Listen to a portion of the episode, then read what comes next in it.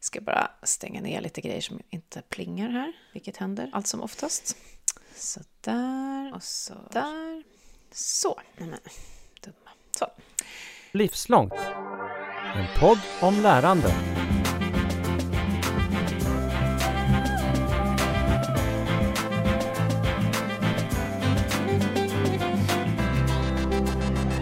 Då ska vi i podden idag tillbaka till ett ämne som eh, gissningsvis kommer återkomma om och om och om igen, när det nu bara är fler och fler områden i våra liv som påverkas av det. Vad kan det vara, tänker alla nu? Ni har förstås rätt, det är AI, artificiell intelligens, men kanske ur aspekter som vi inte registrerar att de pågår dagligen, nästan lite som osynliga krafter bakom oss, men som verkligen kopplar till lärande. AI som designer, kanske man skulle kunna säga.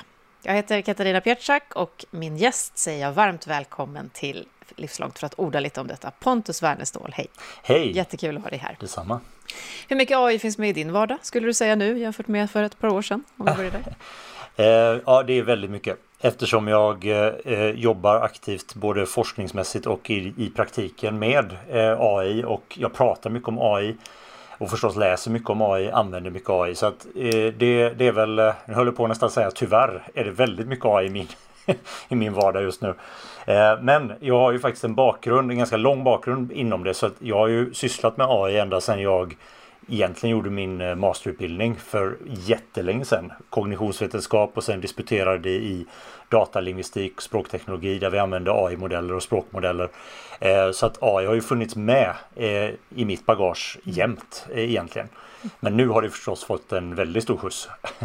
på alla fronter. Ja, vi kan väl återkomma till det där, tyvärr, det var intressant. Men jag tänker när jag hör dig säga det här, att den här kurvan som kallas diffusion curve, som de flesta känner igen begreppet early adopter från, där är ju du en sån här. Är vi nu då på late majority, alltså när det börjar bli precis var människas gods det här?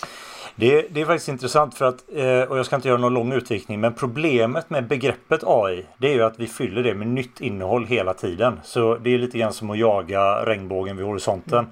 Så att det är lite svårt att säga att det finns early adopters och late eh, och laggards och, och så för att vad vi anser vara AI förändras ju nästan från dag till dag. Mm. Eh, det som kallades AI på, på 80-talet är ju knappt AI idag. Det är ju så regelbaserad symbolisk AI. Eh, och de mer etablerade machine learning angreppssätten nu de är ju så standardiserade att vi knappt anser det vara AI längre.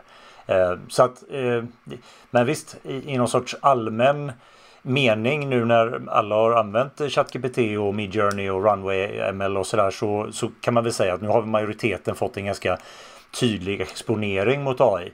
Men sen vill jag ju också säga så här, du, du sa ju det själv där med någonting som pågår i bakgrunden. Alla har ju använt AI i form av till exempel spamfilter sedan 90-talet. Mm. så att AI har ju funnits mm. med även andra användare under lång tid fast man kanske inte riktigt har vetat om det. Nej, verkligen. Idag pratar ju många om generativa och ibland vet jag inte heller om de också alla menar samma sak. Nej. Men vi kommer tillbaka till det och vi, du har redan nuddat förstås vid vem du är och vad du gör, men vi börjar ändå som vi brukar. När du berättar vad som driver dig och vem du är då i vardagen, vad säger du då? Eh, ja, men det som driver mig det handlar ju om att egentligen är jag väldigt intresserad av hur samhället utvecklas och vad det innebär att vara människa och hur vi ska bygga vår verklighet. Eh, och, och, då har ju teknologi varit ett väldigt eh, finurligt verktyg för det. Eh, så att, men, men eh, till vardags så delar jag ju min tid då mellan att vara biträdande professor i informationsteknologi vid Högskolan i Halmstad och sen är jag också eh, design och innovationschef på ett eh, ja, AI-byrå får vi väl säga då som heter Egghead baserad i Göteborg. Så att det, det som driver mig är väl eh, lite olika beroende på vilken hatt jag har på mig. Men till syvende och sist så handlar det nog om att jag är nyfiken på eh, kultur, samhälle och hur vi kan skapa värde och vad, vad nu värde betyder. Det kan ju vara olika saker. Eh, och så såklart eftersom jag jobbar inom akademin eh, ganska mycket och så gillar jag ju lärande förstås. Eh, vi, vi är ju ändå i ett kunskapssamhälle så att hur vi hanterar kunskap och vad vi gör med den och vad det får för effekter för den verklighet vi bygger. Det, det är väl där någonstans jag centrerar mig. Mm. Och hur ser då den här kombinationen i din vardag ut när det gäller eh, utforskande och lärande? Alltså gränssnittet mellan all service design som du jobbar med mm. och byrå och tjänster och akademin och, som ett lärosäte? Det, det, är förvånansvärt likt faktiskt för att mycket av det vi gör i eh, i liksom mer praktiska sammanhang det är ju faktiskt att utbilda och hjälpa människor att förstå vad det finns för värden och vad det finns för fallgropar och, och så när man ska implementera, designa och utveckla AI-drivna tjänster och det är ju det jag också forskar om och föreläser om. Så att det är väldigt likt egentligen eh, vad jag än gör i de verksamheterna. Så det handlar väldigt mycket om att förklara, förklara värdet av något och försöka också förutse vad, vad finns det för risker nu med till exempel de storskaliga språkmodellerna. Och då blir det ju liksom, det är klart, så här, skevhet och bias som det heter i datan, det är ju något vi har pratat länge om. Men vad vi kanske inte har pratat så mycket om det är ju vad innebär det att alla förlitar sig på en amerikansk språkmodell på andra sidan Atlanten. Speciellt om vi kanske ska bygga offentlig sektor i Sverige baserat på storskaliga språkmodeller. Då kanske det inte är helt oproblematiskt att bara skicka över både data och pengar till andra sidan Atlanten till ett, ett företag och så får vi tillbaka en så här anglifierad version av svenska. För det är i princip vad vi får. Eh, den eh, ekvationen är jag inte helt säker på att vi talar tillräckligt mycket om. Till exempel. Alltså OpenAI bakom ChatGPT? Ja, ja, till exempel. Eller Microsoft mm. eller Google eller vad det ja, nu blir då. Någon av de stora drakarna. Ja. smart people believe AI may actually happen. And, and, you know, if we get real artificial intelligence, that's this transformative thing. He's the man who warned artificial intelligence was going to take your job. We believe that AI is going to be a technological and societal revolution. But in an announcement yesterday that sent shockwaves through Silicon Valley, it was revealed that Sam Altman himself had lost his. Breaking news Sam Altman is out. Uh, this is a stunner. What a whirlwind of a weekend. Three different leaders ultimately have held the helm of OpenAI over the last weekend or so. But what is the philosophical disagreement here that is driving the tension? Yeah, well, it really comes down to that question mark over exactly what is uh, the, the, the direction of OpenAI as a company. In 2014, the year before he co founded OpenAI, one of the world's leading artificial intelligence companies, Sam Altman predicted much of how AI would develop. I don't think you can stop technology. Like, you know, technology is this sort of this this unstoppable force. We should assume that AI is going to replace a lot of human capability. And we should figure out the things that humans are really good at. Ousted OpenAI boss Sam Altman has a new job. Microsoft chief Satya Nadella says he'll be leading a new advanced AI research team at the Silicon Valley Titan. The news comes after a weekend of confusion over Altman's fate. Men då tänker jag, vi ska, du ska strax få berätta varför du brinner för att undervisa, för du, det har jag läst någonstans att du gör och du pratar om lärande. Men vi stannar lite vid det här, och du sa tyvärr, och du sa att du är intresserad av vad det innebär att vara människa. Och det finns saker här som vi inte riktigt pratar om. Jag har också en känsla av att det just nu är någon slags gränsland där vi då, ska vi ge bort alla våra kreativa förmågor till artificiell intelligens, eller hur förhåller vi oss till det här?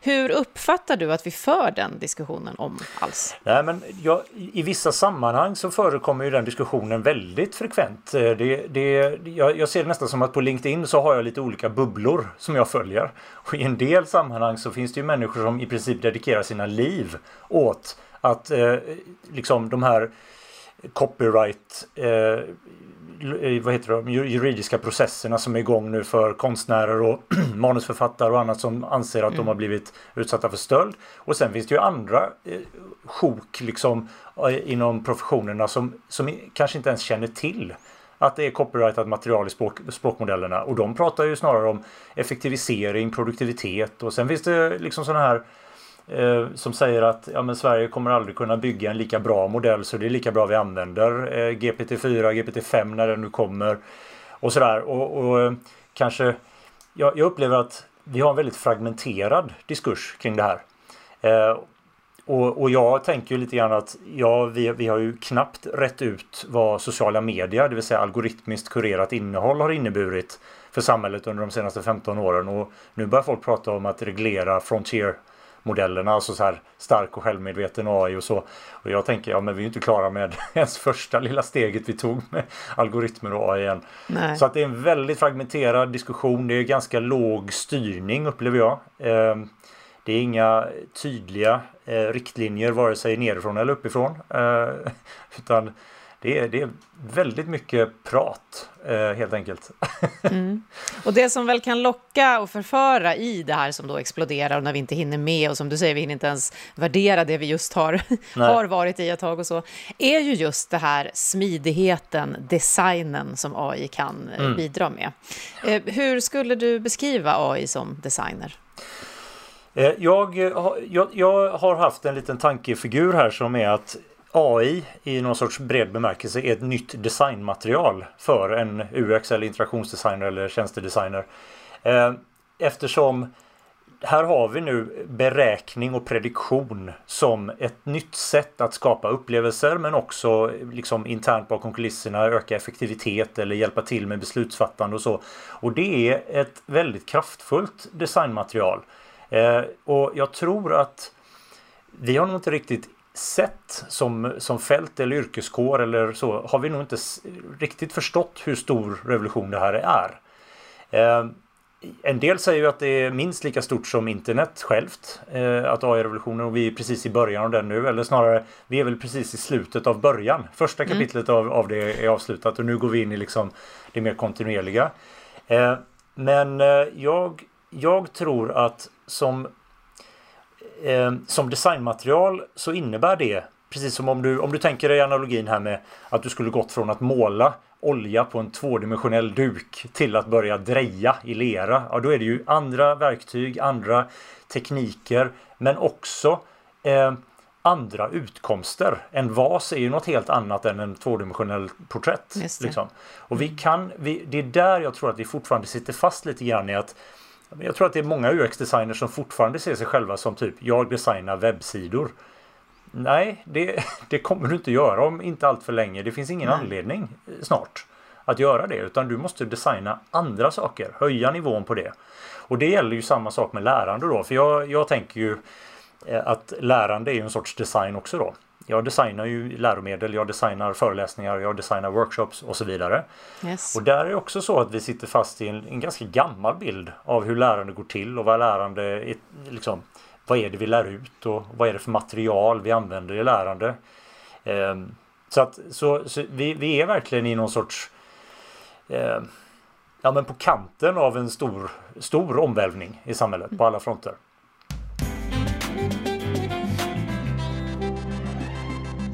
Och du gav ju en referens där om man, är, om man har jobbat med någon slags konst och har olika material, mm. måla eller dreja i lera. Så. Om vi då tittar just på lärandedesignen, som ju verkligen är ett fält som, som vi heller inte riktigt har fått in tillräckligt mycket innan AI nu mm. kom fram när det gäller olika lärsammanhang. Då.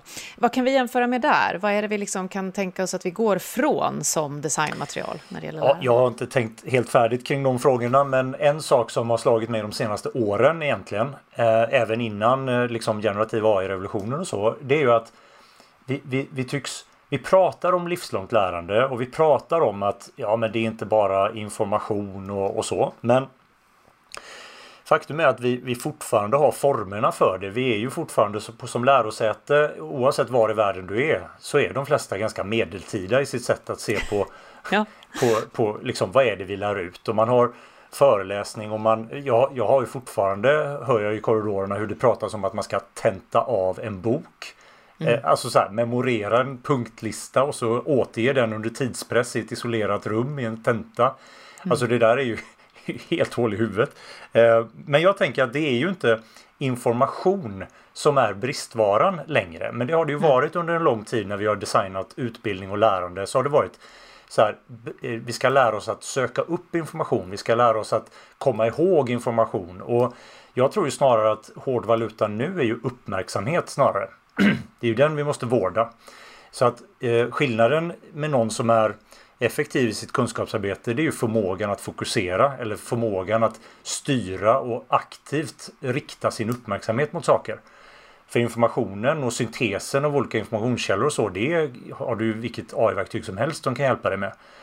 Så, och där, där är väl inte universitet och lärosäten riktigt på topp när det gäller att styra om program till att fokusera på hur vässar vi och medvetandegör vår förmåga att ha uppmärksamhet på rätt saker. Till exempel. Mm, oerhört intressant. Tror du, vad händer då med definitionen av kunskap? För det här är ju ändå en ganska stor mm. diskussion där det ibland blir polariserat. Mm. Det där med att söka information, det är ju inte kunskap, utan det är ju nej, någonting annat. Vad säger, vad säger, du? Vad kommer vi nej, definiera om? Jag, jag, jag, vet inte om man behöver en ny definition av kunskap eller inte, men, men eh, oavsett vad så tror jag att eh, det här att, att prata om uppmärksamhet som ett, ja men du, ja, nu är jag färgad av min, min, mitt yrke då, men att uppmärksamhet kanske är ett designmaterial för lärande. Mm. Att både lärare och studenter kan liksom aktivt närma sig det begreppet och, och resonera kring, och då kommer man in på liksom media. Eh, man, man, jag är av den, det är väl McLuhans skola då som säger att man, man blir ju sitt medium. Alltså om du är på Twitter hela dagarna så kommer din verklighetsuppfattning bli uppstyckad i 140 teckens provocerande I taget, i taget liksom. Och är du på Instagram hela tiden så börjar du se världen i attraktiva fyrkantiga bilder till slut. Mm. Alltså du blir ju ditt medium. Och då eh, och, och, så här ändlöst passivt scrollande på TikTok till exempel. Det, det, och att du får all ja, information eller input i åtta sekunders segment eller vad det nu kan vara. Det, det formar ju dig. Och då tänker jag att universitet och lärosäten de står ju kanske för en annan typ av uppmärksamhet och en annan typ av media. För här får du faktiskt lära dig att läsa längre texter. Bara en sån sak är ju Just något som vi kanske inte tränar på. Och jag hävdar ju då att om man nu blir sitt media så är det klart att om du ägnar dig åt att läsa längre argumenterande djupa texter, ja men då blir du ju sån till slut. mm. på, på gott och på ont. Men jag tror att vi, vi kan nog ha lite fler djupa tänkare i dagens läge. det vore kul. det är vi flera som tycker. Ja, men då, och då pratar du ju om förmågorna faktiskt att hantera både uppmärksamheten och informationen eh, ja, på ett sätt. Och, och, då menar jag att vi, vi, är, vi har en tendens att se oss själva som ganska rationella och eh, aktiva med hög agens och sådär. Men faktum är ju, det visar ju fler och fler studier, att vi är väldigt mycket offer för mediet vi konsumerar. Mm. Och det, jag, jag har ett favorituttryck som jag har lånat från Tristan Harris eh, och han har i sin tur lånat det från någon annan så att nu är jag dålig akademiker här som inte har originalkällan. Men han säger i alla fall eh, vi har eh, paleolitiska hjärnor, medeltida institutioner och gudomlig teknologi. Mm. Och där, där blir, blir det rätt svårt för våra stackars stenåldershjärnor vi, vi kan inte stå emot den typen av algoritmisk optimering som till exempel sociala medier är uppbyggd på. Och då by the way då så är ju den uppbyggd på just eh, att optimera för uppmärksamhet. Ju, ju, längre jag har ögonen på skärmen desto fler annonser kan ju säljas. Så att återigen är uppmärksamheten någonting som sitter i fokus. Och det har ju sociala medieföretag förstått. Men det verkar inte som att kanske lärosäten har förstått det. Eller att utbildningsskråt har förstått det. Ja, det finns så mycket att göra. Men om du sa då att det här är ju hål i huvudet som du uttryckte det, att vi inte lyckas gå över till någonting annat Det får jag nog äta upp snart tror jag efter den här episoden, men okej. Okay. Vi får se, vi får se. Jag förstår vad du menar i alla fall. Ja. Men då tänker jag, eftersom du då också brinner för lärande, alltså att undervisa, att få med dig andra i de här tankarna. Vad, vad är det du gör då, eller i alla fall vill göra annorlunda? Eh, nej men jag, jag tänker att synliggöra de här perspektiven i sig är ju, jag har ju fördelen att jag faktiskt undervisar om det här. Alltså mina studenter och, och, även de jag pratar med ute i, i verksamheter och så. De är ju intresserade av just det här fenomenet såklart. Så att jag har ju fördelen att jag kan ju ägna en, en hel föreläsning åt att prata om hur media påverkar oss och, och sådär. Eh, men det jag skulle kanske vilja, på, om man lyfter upp det på systemnivå då, så, så tänker jag att ja, vi måste ju eh, sätta under lupp vad det är vi examinerar till exempel.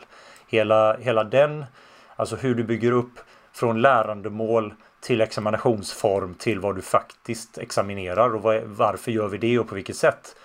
Och där kan man väl säga, och nu, nu kanske jag sticker ut eh, hakan ännu mer, men där tycker jag att vi gravt har övervärderat den färdigskrivna texten som, som enhet. Liksom. Att du lämnar in ett papper eller en hemtenta eller en artikel. För det har ju visat sig att beräkningsmässigt så är det ganska lätt att prestera en bra text med hjälp av en språkmodell. Så att jag skulle ju säga att examination borde snarare titta på process och inte på färdig artefakt. Mm. Till exempel. Ehm, så, och grundnivån måste ju vara att eh, om du ger en hemtenta eller en skrivuppgift så, så ska du ju utgå ifrån att det första en student gör i det läget är ju att använda ett generativt språkmodellverktyg. Mm. Och så ska det ju vara. Och sen ska de ju bara förbättra den och göra den ännu bättre. Jag har ju sett så här skräckexempel på hur, hur skolor, kanske inte i Sverige men i alla fall i USA, har velat förbjuda generativa... Jag tror att det kan ha, diskussionen kan ha för sig i Sverige också. Ja, och så har vi ju skickliga lärare som försöker jobba med det som du beskriver. Ja. Men om man då tar just den här lärande designen av den här processen som man då mm. sen ska kunna examinera och som förhoppningsvis då är det som jag ju alltid är ute och pratar om motiverar till ett mm. lärande, skap, bygger människor genom det lärandet. Eh, vi har pratat med eh, kollegor som jag vet att du känner också tidigare här i podden på Ambition Empower om UX, alltså user mm. experience. Och det är också mm. en sån här osynlig hand som styr en upplevelse av till exempel ett lärande. Mm. Så hur mycket kan AI hjälpa oss i det här?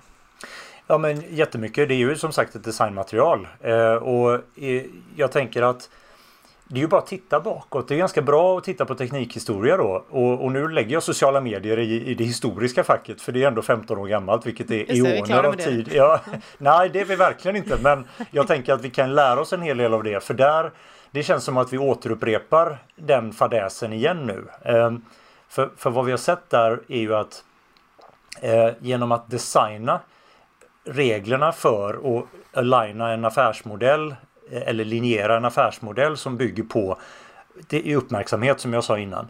Så har man ju algoritmiskt kunnat optimera användarupplevelsen av sociala media. Och det är ju ett user experience design arbete egentligen. Problemet är ju bara att det, man kanske inte ser sin egen lilla roll om du sitter och gör ett sociala medieplattform. Låt oss säga att du är då Zuckerberg på ett eh, collegerum 2005. Mm. Det är inte så lätt och man kan kanske inte beskylla honom för att förutse så här allt ifrån arabiska våren till stormandet av Kapitolium mm. 20 år senare eller 15 år senare. Det, det, är inte så lätt att lägga hela den bördan på axlarna där men jag tror att har man ett motto som Facebook hade ett tag, Move fast and break things, ja men då är det klart att saker kommer gå sönder. Det står ju till och med i mottot. Och nu då när OpenAI till exempel har intense and scrappy som alltså intensiv och eh, vad översätter man scrappy med? Ihoprafsad. Liksom. Ja, ja. Det, det, och att man säger when in doubt scale. Alltså vid minsta tveksamhet. Eh, stanna inte till och, och tänk till utan bara skala upp. Alltså det, för mig är ju det så här, ja är vi tillbaka nu på Move Fast and Break Things och bara strunta i konsekvenserna bara vi kan skala.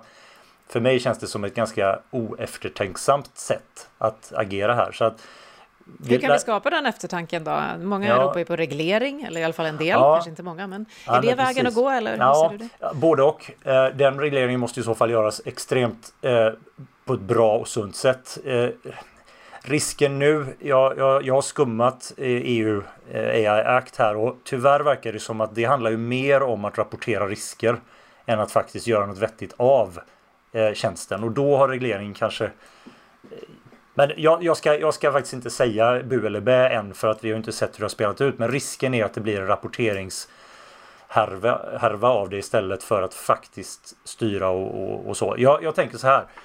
Standarder är, och eh, eftertänksam reglering är ju oftast bra. Både för produktivitet och innovation och säkerhet och, och så. Det är bara att titta på flygindustrin.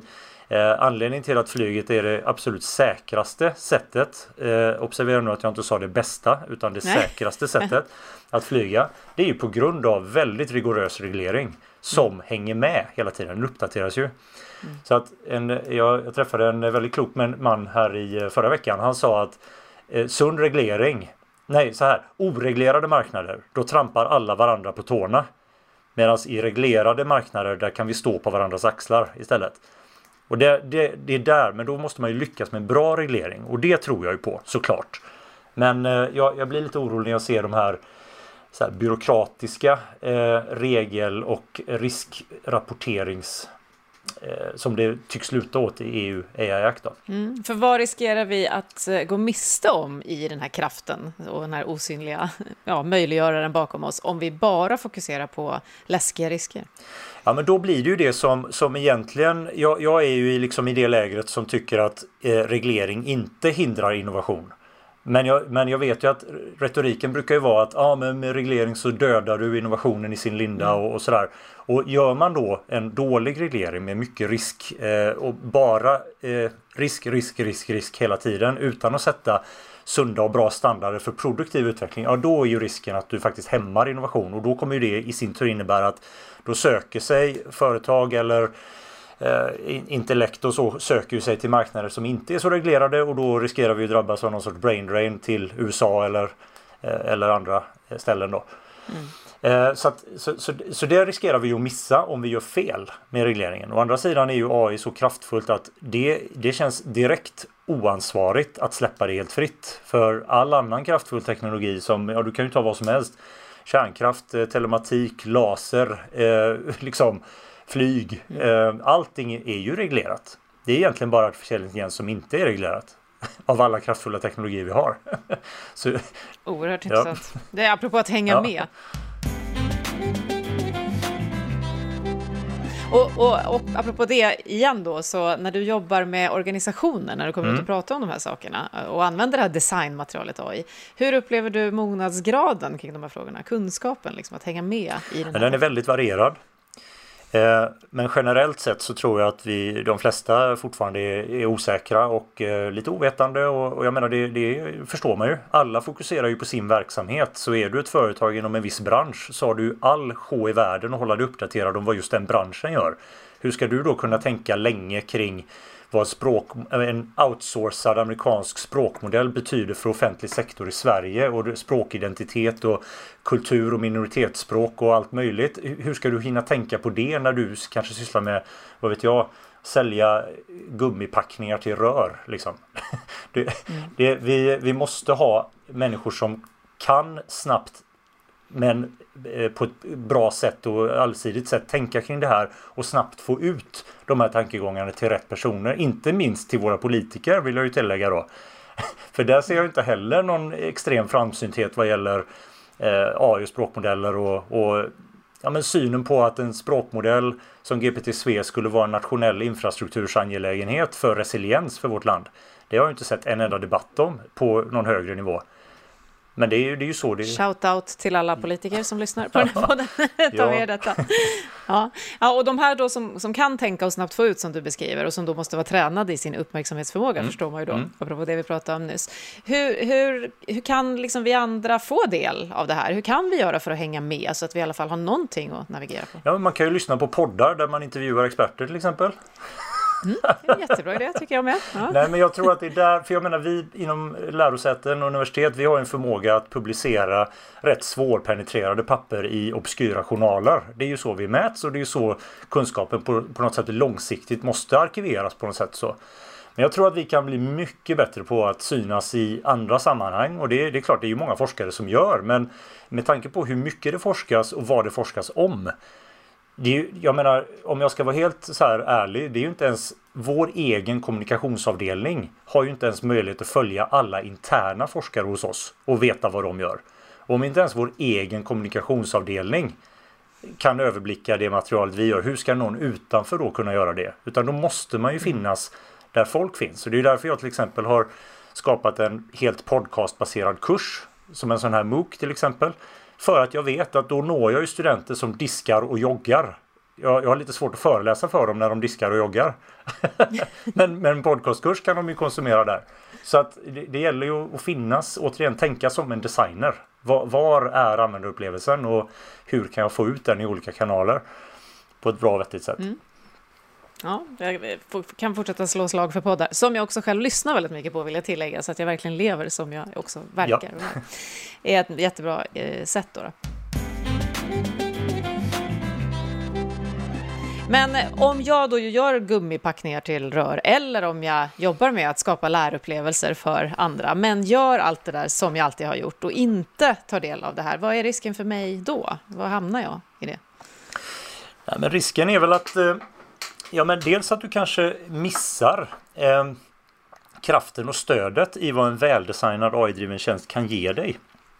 Eh, det är ju såklart en, en, uppenbar risk, men sen kan det också vara att du, du helt enkelt blir eh, omsprungen av andra aktörer som har förstått det här. Eh, och, och då du kan jag, jag vill verkligen inte hamna i det läget nu. Jag, jag, förstår ju att lyssnare nu, de hör ju bara de här minuterna som jag pratar. Så att jag vill inte framstå som den som påstår att vi ska automatisera och AIfiera allt. För det tror jag verkligen inte. Och nu kommer vi tillbaka till det där när jag sa tyvärr då i början. Mm, mm. Men jag tror att man måste agera klokt och inte bara slå ifrån sig och säga att nej men ja, min tjänst är min sann eh, premiumupplevelse med mänsklig eh, interaktion så vi ska inte använda AI. Det tror jag är att generalisera lite för mycket. För även eh, om vi tar, ja, nu ska vi ta från höften här, men ta en eh, frisersalong eller alltså någonting som bygger ganska mycket på ett manuellt hantverk och man kanske är där för att få pratstund och, och sådär. Jo, men du kan ju fortfarande använda AI för att optimera tidsbokningarna till den där salongen. Så att det, det finns liksom många fronter man kan använda kraften i, i den här teknologin. Um, så att, och det, det, det där är ju en designfråga. Var ska du lägga in stöten för att få mest värde i din verksamhet uh, med hjälp av den här teknologin? Mm. När du då, jag tänker, jag står och tänker på, jag har en dotter som studerar musik och eh, hörde henne igår träffa människor som jobbar med just lärande och berätta att hon tycker sig inte få hjälp av liksom samhället runt sig, inte ens av sina egna universitetslärare. Att förstå hur det här ändå ska kännas som något av värde, som du var inne på i början. Eh, utan känns mer som någon hotfull mm. kraft som kanske tar ifrån då någon slags kreativt uttryck. Hur gör du för att onboarda dina studenter i allt det här som du har berättat? Jag har ju, jag, vi, vi pratar väldigt mycket om människocentrerad AI och det, det är också ett lite diffust begrepp kanske men, men jag, det första jag säger det är att AI, en AI-driven tjänst måste utgå ifrån mänsklig kompetens. Det vill säga inte automatisera bort mänsklig kompetens utan stötta och höja den kompetensen så att man kan utföra bättre antingen bli mer kreativ eller få stöd i beslut eller vad det nu är då. Men jag tror att den stora risken det är att vi har gått in ganska, och nu säger jag det med citattecken här då, lite ingenjörsmässigt. Det vill säga man ser ett fenomen och då är man tränad i att högoptimera för det och det innebär ofta att man dras till defaulten automatisering. Alltså självkörande bil. Ja, det kanske inte är rätt. Vi kanske ska ligga på nivå 3 i den här femgradiga mm. skalan. Det kanske är det allra bästa. Till exempel. Kombinationen som ja. vi har nu. Mm. Och, och, och det gäller samma med, med allting. Alltså att ersätta lärare med någon sorts AI-avatar som automatiskt genererar ett jättebra skript på just det här temat. Och så, jag menar, jag kan ju generera en, en mycket mer eh, attraktiv avatar än att filma mig själv. Om jag ska göra en videoföreläsning till exempel. Och ChatGPT kan ju säkert hjälpa mig att fila ner det manuset till att bli super, alltså bättre än ett TED-talk. Men det tar ju inte bort eh, eh, liksom den, det värdet mina studenter har som kan sitta ner och diskutera en fråga med mig. Däremot så är det ju så att om jag fortsätter att år ut och år in gå in i en sal och lägga 45 minuter på att köra samma föreläsning som jag hade förra hösten ja, då kan vi börja prata om huruvida jag kanske skulle gjort den eh, digital eller automatiserad. Eller hur? För då säger jag ju samma sak mm. i alla mm. fall och så kan man ju se till att få Visst. ut den och så kan man då diskutera istället. Samma sak med examination. Det är ju fullständigt slöseri med tid att jag ska sitta och läsa igenom eh, liksom tentafrågor som jag har gjort i någon sorts multiple choice grej och manuellt rätta det. Det, det är ju 1800-tals mm. eh, aktiviteter liksom. Eh, så det får man faktiskt kalla hål ja, det, nu det, man inte behöver göra det längre. Eftersom vi har begränsad tid. Så varje ja. timme jag lägger på att tyst sitta och manuellt rätta en flervalstenta är ju tid jag hade kunnat lägga på ett meningsfullt utbyte med mina studenter. Så, så eh, där tror jag att vi kan ha stöd till alla typer av automatiserbara uppgifter så att vi kan maximera det riktiga värdet vi kan bidra med då till exempel face to face eh, eller så. Mm. Så om vi gör det, om vi nu ser AI som det här designmaterialet som kan hjälpa oss att faktiskt skapa ett väldigt mycket mer värdefullt lärande som håller över livet, som vi är många som brinner för mm. att det ska vara. Och du med, hör mm. Du vill inte bli ersatt av en AI, det, det vet, förstår vi när vi hör dig. Men vad skulle vi då kunna få för ett mer lärande samhälle, om jag uttrycker mig så? Vad, vad ja, men jag, jag tänker att det är ett kontinuerligt lärande. Vi, vi använder ju frasen livslångt lärande, eh, till och med i den här podden. Till leda. ja. Ja, och vad betyder det då? Jo, för att egentligen eh, så är det så att du kan ju inte, du kan inte undvika lärande om du ens lever. Vad du än gör är liksom en erfarenhet, en upplevelse som så fint eh, blir då experience på engelska som innefattar både upplevelse och erfarenhet. Allt det är ju lärande. Så att livslångt lärande är ju egentligen en tautologi. Det gör vi ju jämt. Utan det handlar bara om, mm. okej, okay, vilka samhälleliga resurser kan boosta det? Och i dagsläget så har vi då återigen den här medeltida idén om att vi kan eh, i en fabrik på tre år producera arbetskraft genom att pumpa dem fulla med information som vi tentar av. Och det, det är ju, nu jag raljerar lite för jag vet att det finns andra pedagogiker och så men om du tittar på ett tvärsnitt så tror jag tyvärr att vi fortfarande är där när det gäller lärosäten. Så att vad, vad, är, vad jag drömmer om det är ju att lärosäteskulturen, alltså den här kunskap som ideal och, och så, att det har totalt blivit eh, liksom impregnerat i samhällsväven. Att lärosätet är inte ett elfenbenstorn som ligger på ett campus i vissa städer utan det finns överallt. Det skulle ju vara någon sorts eh, dröm tänker jag. Eh, en vision. Verkligen. Verkligen. Det är då man också själv kan vara den här osynliga handen. Ja. Då behövs man inte längre. Jag blir sjukt sugen på att uppgradera, men jag måste be mina kollegor bygga någon slags avatar som kan föreläsa istället för mig. Så jag kan ägna mig åt sådana här samtal som av stort värde ja. istället. Ja, ni vet vilka ni är som kan börja bygga nu. Är det något annat som du vill lägga till så här i slutet av vårt samtal som känns viktigt att skicka Oj, är vi redan färdiga? Jag tyckte vi precis har börjat prata om intressanta grejer. Men eh, eh nej, men jag eh, Nej, jag tror vi har berört rätt mycket. Jag tror att ett... Eh, eh, jag hör ibland så här, vi måste ha fler ingenjörer för att hantera AI-revolutionen och det är i viss mån... Och mer data har ja, jag också hört. Absolut. Eller hanteringen av data. Precis. Och jag vill bara säga att ja, det är ett, ett delsvar. Vi, jag håller med, vi behöver mer duktiga ingenjörer, men vi behöver andra kompetenser. För att det, det är ändå ett samhälleligt problem. Och alla eller problem då, och då säger jag det som en akademiker, alltså ett, en intressant aspekt. Inte ett problem ja. som är negativt utan något som är intressant att ta sig an.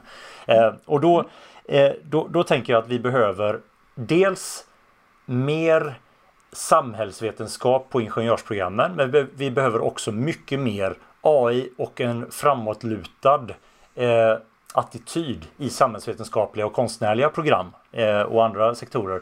För att liksom se vad kan den här Eh, eh, vad kan den här teknologin bistå med och vad kan den göra? Eh, för vi löser liksom inte de samhälleliga problem vi står inför, det är ju inte problem man löser. Vi kommer aldrig bli klara med sjukvård. Vi kommer aldrig bli färdiga med utbildning.